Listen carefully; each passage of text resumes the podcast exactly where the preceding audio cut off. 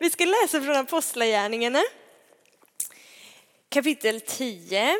Och eh, när, alltså när det är så dagens text i kyrkoåret så är det ju alltid bara några få verser och ibland så blir det lite fjuttigt liksom att bara läsa de verserna. Man vill gärna få med lite kontext och just i det här fallet så känns det som att man verkligen får med lite kontext. Så det är asmycket text som man egentligen vill läsa här nu. Så vi, vi slänger upp det och så får vi se om vi liksom hoppar lite fram och tillbaka i det eller hur, hur mycket vi faktiskt läser.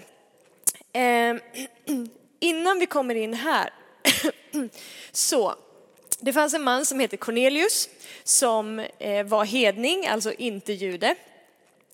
Eh, och eh, han fruktade Gud. Och så kommer det en ängel till den här Cornelius och eh, säger att eh, du ska skicka efter en man som heter Petrus, alltså en av Jesu lärjungar. Petrus, det här är verkligen hopplöst. Eh, du ska skicka efter honom, han finns i det här och det här huset hos eh, en garvare, så du skickar några män för att hämta honom. Eh, så Cornelius väljer ut ett par grabbar och en soldat och säger att eh, ni ska gå till det här och det här huset och fråga efter en som heter Petrus. Så de pinar iväg eh, för att leta rätt på det här. Och under tiden som de är på väg dit så händer det här. Nästa dag, medan de ännu var på väg och närmade sig staden, gick Petrus upp på taket för att be. Det var vid sjätte timmen. Han blev då hungrig och ville ha något att äta. Medan man gjorde i ordning maten kom han i hänryckning.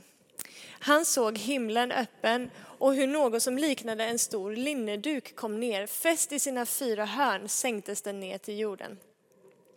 Och i den fanns jordens alla fyrfotadjur och kräldjur och himlens fåglar. Och en röst kom till honom. Res dig Petrus, slakta och ät. Petrus svarade, nej, nej, Herre, jag har aldrig ätit något oheligt eller orent. Då sa en röst för andra gången till honom, vad Gud har förklarat rent ska inte du kalla orent. Detta hände tre gånger. Och sen blev duken strax upplyft till himlen. Medan Petrus undrade inom sig vad synen kunde betyda stod männen som Cornelius hade sänt vid porten. De hade frågat sig fram till Simons hus och nu ropade de och frågade om Simon som kallas Petrus var där som gäst. Petrus funderade fortfarande över synen när anden sa till honom, se, tre män söker dig. Gå ner och följ med dem utan att tveka, för det är jag som har sänt dem. Petrus gick ner till männen och sa, jag är den ni söker. Av vilken orsak har ni kommit hit? De svarade, officeren Cornelius är en rättfärdig man som fruktar Gud och har gott anseende hos hela det judiska folket. Han har fått en uppenbarelse av en helig ängel att han ska skicka efter dig och höra vad du har att säga. Då bad Petrus dem stiga in och tog emot dem som gäster. Dagen därpå kom de till Caesarea. Cornelius väntade på dem och hade samlat sina släktingar och närmaste vänner. När Petrus skulle gå in kom Cornelius och mötte honom och föll ner för hans fötter och tillbad. Men Petrus reste honom upp och sa, stå upp, jag är också bara en människa. Medan han samtalade med Cornelius gick han in och fann många samlade där. Han sa till dem, ni vet att det är förbjudet för en judisk man att umgås med eller besöka en hedning. Men Gud har visat mig att man inte ska kalla någon människa ohelig eller oren. Därför tvekade jag inte heller att komma när ni sände bud efter mig. Så nu undrar jag av vilken orsak ni har bett mig komma. Cornelius svarade, för fyra dagar sedan, just vid den här tiden, den nionde timmen, var jag här hemma och bad. Då stod plötsligt en man i skinande kläder framför mig och sa, Cornelius, Gud har hört din bön och kommit ihåg dina gåvor. Skicka nu bud till Joppe och be Simon som kallas Petrus att komma hit. Han är gäst i garvaren Simons hus vid havet. Då skickade jag genast bud efter dig och det var vänligt av dig att komma. Fint sagt. Nu är vi alla här inför Gud för att höra allt som Herren har befallt dig att säga. Den är god tycker jag. Någon skickar bud efter mig och här är jag vänlig och kommer dit och så ska jag helt plötsligt ha något att säga här. Då började Petrus tala. Nu förstår jag verkligen att Gud inte gör skillnad på människor utan tar emot dem som fruktar honom och gör det som är rätt, vilket folk han än tillhör. Detta är det ord som Gud sände till Israels folk när han förkunnade frid genom Jesus Kristus. Han är allas Herre. Och ni känner till det som har hänt i hela Judeen med början i Galileen efter dopet som Johannes förkunnade. Hur Gud smorde Jesus från Nasaret med den helige ande och kraft. Han gick omkring och gjorde gott och botade alla som var i djävulens våld, för Gud var med honom. Vi är vittnen till allt som han gjorde, både i judarnas land och i Jerusalem. De hängde upp honom på trä och dödade honom. Men Gud uppväckte honom på tredje dagen och lät honom visa sig. Inte för hela folket utan för de vittnen som Gud i förväg hade utvalt. För oss som åt och drack med honom efter att han uppstått från de döda. Och han befallde oss att predika för folket och vittna om att han är den som Gud har utvalt till domare över levande och döda. Om honom vittnar alla profeterna att var och en som tror på honom får syndernas förlåtelse genom hans namn. Medan Petrus ännu talade föll den helige ande över alla som hörde ordet. De troende judarna som hade följt med Petrus häpnade över att den helige andes gåva blev utgjuten också över hedningarna. Eftersom de hörde hur de talade i tungor och prisade Gud. Då sa Petrus, ingen kan väl hindra att de döps med vatten när de har fått den helige ande precis som vi och han befallde att de skulle döpas i Jesu Kristi namn. Sen bad de honom stanna några dagar. Viktig detalj där på slutet. Ehm, jag sa det till eh, Jenny här förut när vi satt och pratade lite om, om den här texten, att det känns som att jag fattar inte riktigt hur stort det här är.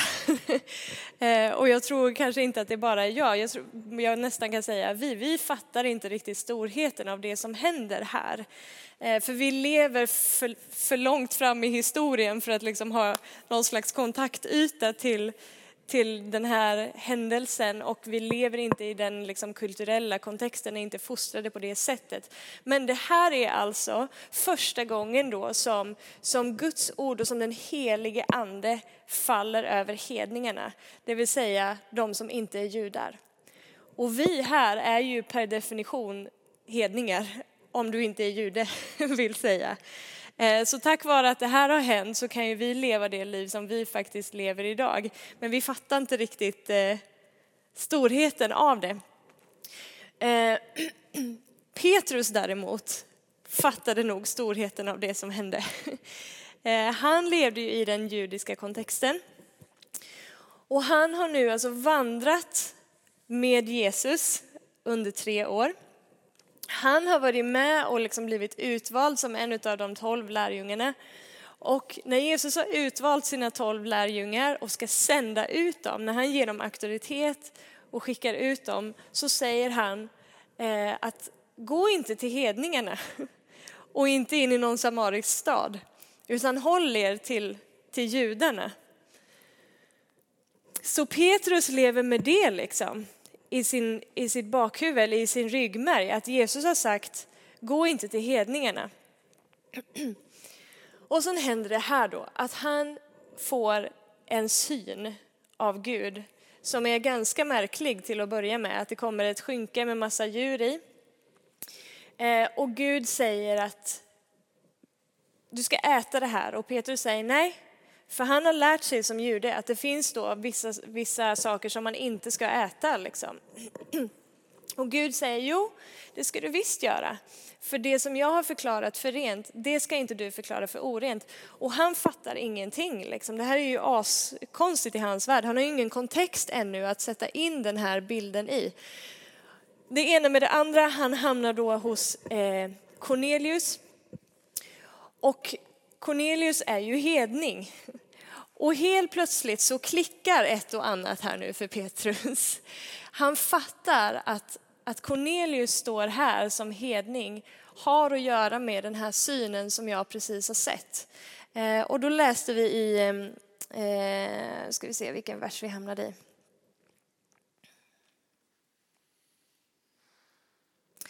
I vers eh, 28. Han sa till dem, ni vet, Petrus säger alltså, ni vet att det är förbjudet för en judisk man att umgås med eller besöka en hedning, men Gud har visat mig att man inte ska kalla någon människa ohelig eller oren. Sen landar han då lite längre ner i när Cornelius säger, berätta nu vad Gud har sagt till, till, till dig att du ska säga till oss. Så är liksom insikten som Petrus landar i här, nu förstår jag verkligen att Gud inte gör skillnad på människor utan tar emot den som fruktar honom och gör det som är rätt, vilket folk han än tillhör. Det här är ju bara revolutionerande liksom för Petrus, för han är ju på något sätt uppvuxen eller fostrad i någonstans att tänka vi och dem. Det är vi judar och det är vi som är liksom heliga. Det är vi som har fått lära känna frälsningen. Det är vi som har fått ta emot den helige ande som gåva. Och där borta är något annat. Och nu helt plötsligt så säger Gud, vet du, de är inte orena. Du ska gå till dem. Det här är för dem också. De här skiljelinjerna har liksom suddats ut. Gud gör inte längre skillnad på människor. Och så börjar Petrus att predika och det första han säger är att Jesus är allas Herre. Han är allas Herre. Han är inte bara vår Herre utan han är också er Herre. Och så fortsätter han och liksom hans ord här någonstans är koncentrerat till, sorry, att handla om Jesu död, om hans uppståndelse, att han har visat sig som uppstånden och vad Jesus, vad Jesus gjorde när han gick omkring. Eh, att han botade alla de sjuka. Så han predikar ju liksom någon slags, ja men det är ju rent evangelium på något sätt. Och i att han predikar så kommer den helige ande och faller över dessa hedningar som inte tidigare har lärt känna frälsningen. Och dessutom nu får ta emot den heliga ande som gåva. Hur häpnadsväckande måste detta ha varit i Petrus, i Petrus ögon?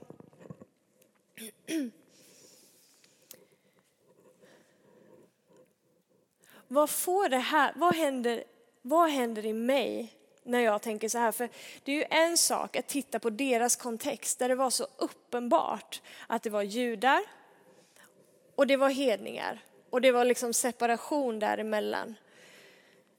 Men var med i våra liv då? var med i mitt liv liksom? Hur ofta tänker jag vi och dem? Hur ofta sätter jag mig själv på en högre piedestal än på någon annan? Hur ofta blir jag elitistisk i mitt eget tänkande liksom att tack snälla, att vi är, vi är ju lite bättre. Liksom. Någonstans så vill man ju gärna tänka att man inte tänker så. Och, men jag tror ändå att vi ibland har det där i oss, tyvärr. Liksom. Att vi kategoriserar, vi delar upp människor liksom, och vi tittar på, på yttre förutsättningar någonstans. Men det som Petrus poängterar och insikten som han kommer till här är ju att det är inte de, liksom, de yttre faktorerna som gör oss kvalificerade att få ta emot den helige ande eller att få lära känna frälsningen från första början. Liksom. Han har ju tänkt att att vi har fått lära känna Gud, ta emot frälsningen och få ta emot den helige ande har att göra med att vi är judar. Och så visar det sig att det inte alls har att göra med det, utan det har bara att göra med vad Jesus har gjort. Han kokar ner det igen till kärnan liksom och först säger Gud gör inte skillnad på människor. Han är allas Herre och det här är vem den här Herren är. Han har dött och han har uppstått och han har visat sig för oss. Och det är på grund av att han har dött och på att han har uppstått som vi kan få ta emot denna frälsning och som vi kan få ta emot den helige andes gåva. Och de förutsättningarna är samma för alla. Helt plötsligt så liksom suddar han ut all form av liksom det går liksom inte längre för honom eller någon annan att kunna berömma sig av sin sociala bakgrund eller liksom eh, religiösa samhörighet eller eh, eget religiösa utövande eller någonting. Det funkar inte, för då skulle det varit kört för hedningar. Det skulle varit så kört för oss som inte råkar vara födda som judar.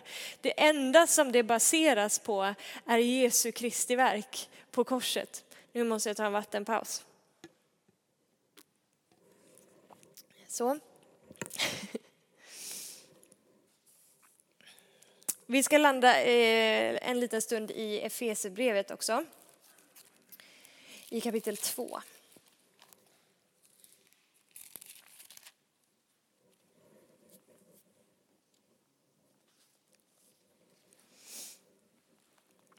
Vi läser från vers 11. Det här skriver då alltså Paulus till hedningar. Kom därför ihåg hur det var tidigare. Ni var födda som hedningar och kallades oomskurna av dem som kallar sig omskurna, det vill säga judarna, med den omskärelse som görs på kroppen av människohand. På den tiden var ni utan Kristus, utestängda från medborgarskapet i Israel och utan del i förbunden med deras löfte. Ni var utan hopp och utan Gud i världen. Men nu genom Jesus Kristus har ni som tidigare var långt borta kommit nära genom Kristi blod. Han är vår frid, han som har gjort de två till ett och rivit skiljemuren, fiendskapen. I sin kropp har han satt lagen ur kraft med dess bud och stadgar för att i sig själv göra dem båda, det vill säga judar och hedningar, till en enda ny människa och så skapa frid. Så skulle han försona dem båda med Gud i en enda kropp genom korset där han dödade fiendskapen. Han har kommit och förkunnat frid för er som var långt borta och frid för dem som var nära. Genom honom har vi båda i en och samma ande tillträde till Fadern. Det här känns ju väldigt liksom klyschigt att säga och likväl är det fortfarande så sant att Gud dog för alla. Han dog för alla. Han dog inte bara för några. Han dog inte bara för liksom en exklusiv liten klick som skulle få kalla sig kristna. Han har dött för alla. Och när han dog för alla så har vi liksom du och jag har förlorat vår rätt att tänka vi och dem. För att han har försonat alla med sig själv. Det är en enda mänsklighet. Det är inte vi och dem. Vi kan inte berömma oss av någonting, vi kan inte sätta oss på några höga hästar liksom.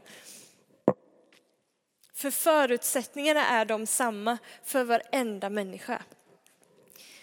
Och de förutsättningarna är att vi är fattiga i anden allihop.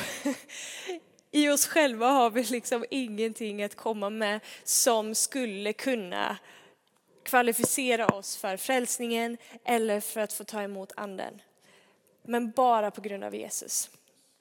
Och när Petrus ställer sig och predikar om denne Jesus, om hans död och hans uppståndelse, så bekänner sig den helige ande till Petrus ord och faller över dessa hedningar som för första gången får höra talas om detta. De blir fyllda av anden, börjar tala nya tungor och börjar att prisa Gud.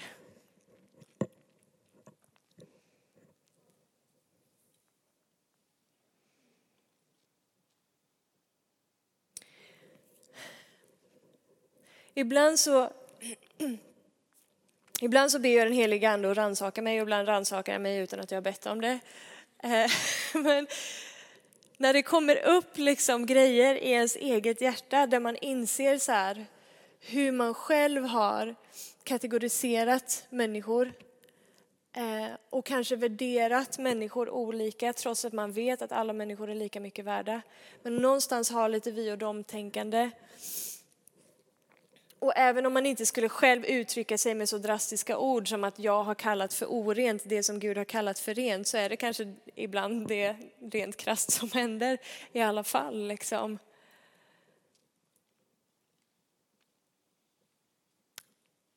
Och Jesus dog för att alla skulle få kallas rena. För alla jag har inte rätt att göra det där och Gud förbarma dig över, över mitt hjärta, över våra hjärtan, att vi inte skulle ha det där i oss, för han har inte det i sig. Vi har sjungit en sång som, är, som går på engelska som är Help me to love with open arms like you do A love that erases all the lines and sees the truth Guds kärlek får komma in liksom och linjerna mellan oss, de murar som vi reser upp mellan varandra liksom som oh, bara blir barriärer eller så. Det bara får suddas ut liksom.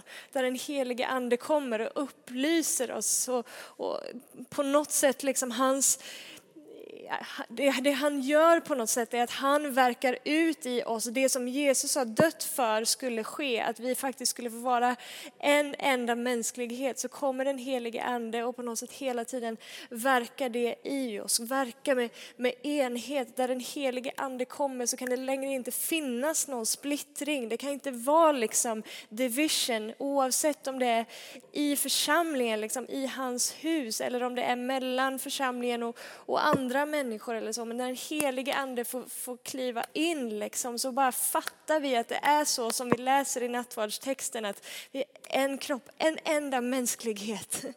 En enda mänsklighet. Kalla inte för orent det som jag har kallat för rent.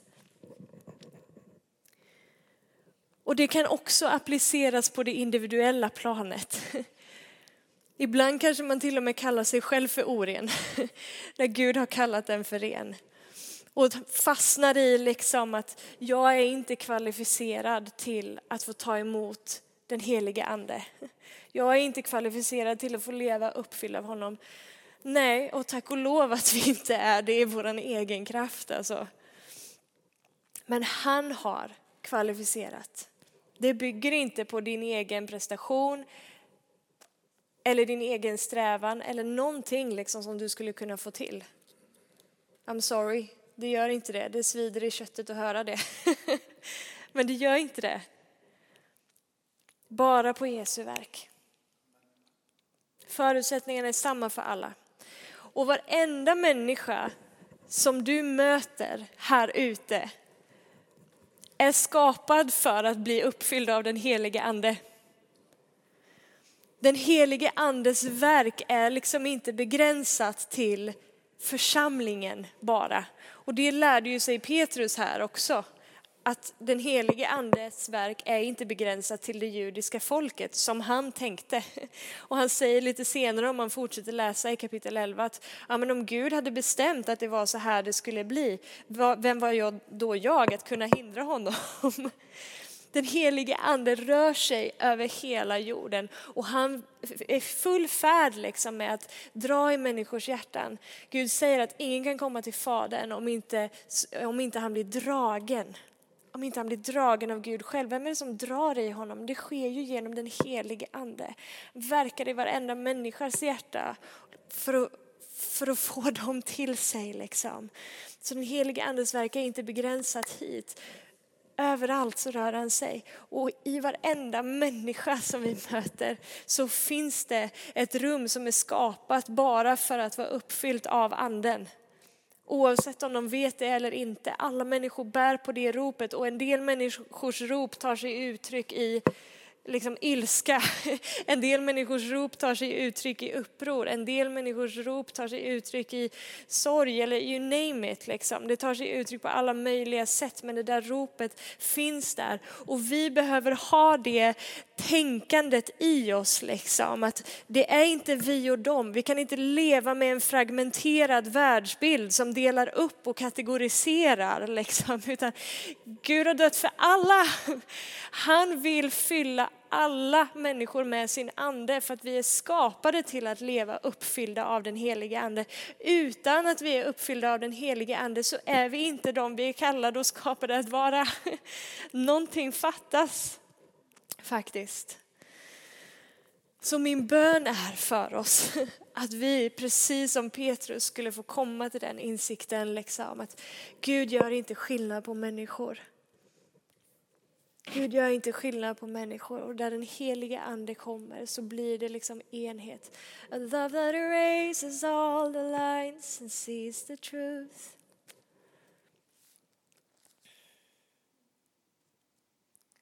Bara förbarma sig över våra hjärtan liksom. Lord, att vi skulle se det som han har kallat för rent också för rent.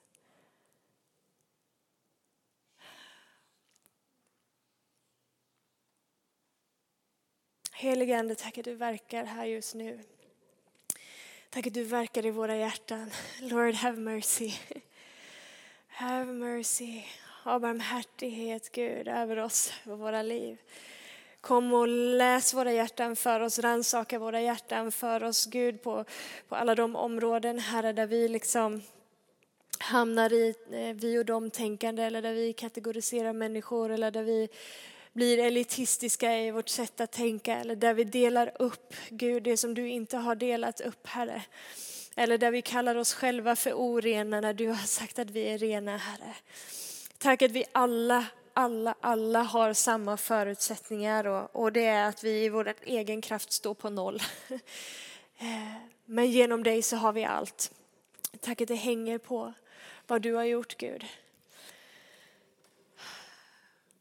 Men Herre, jag ber att vi skulle få vara ett folk i Linnékyrkan som, eh, som inte har linjerna emellan oss och andra människor på det sättet, Herre. Utan att vi skulle få se oss som en enda mänsklighet, Gud. Att vi skulle få se ropet som alla människor bär på, att vi alla är skapade till att leva uppfyllda av din ande. Att vi alla är skapade till att kunna leva i den relationen och i det flödet tillsammans med dig, Gud.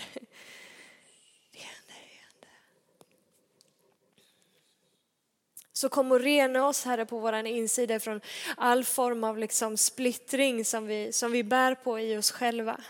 Gentemot vår egen person eller gentemot andra personer Herre. Help us to love. Hjälp oss att älska Gud så som du älskar Herre. Gud, vi behöver dig. Vi behöver dig, vi behöver dig, vi behöver dig. Vi behöver dig, helige Ande. Oj, vad vi behöver dig.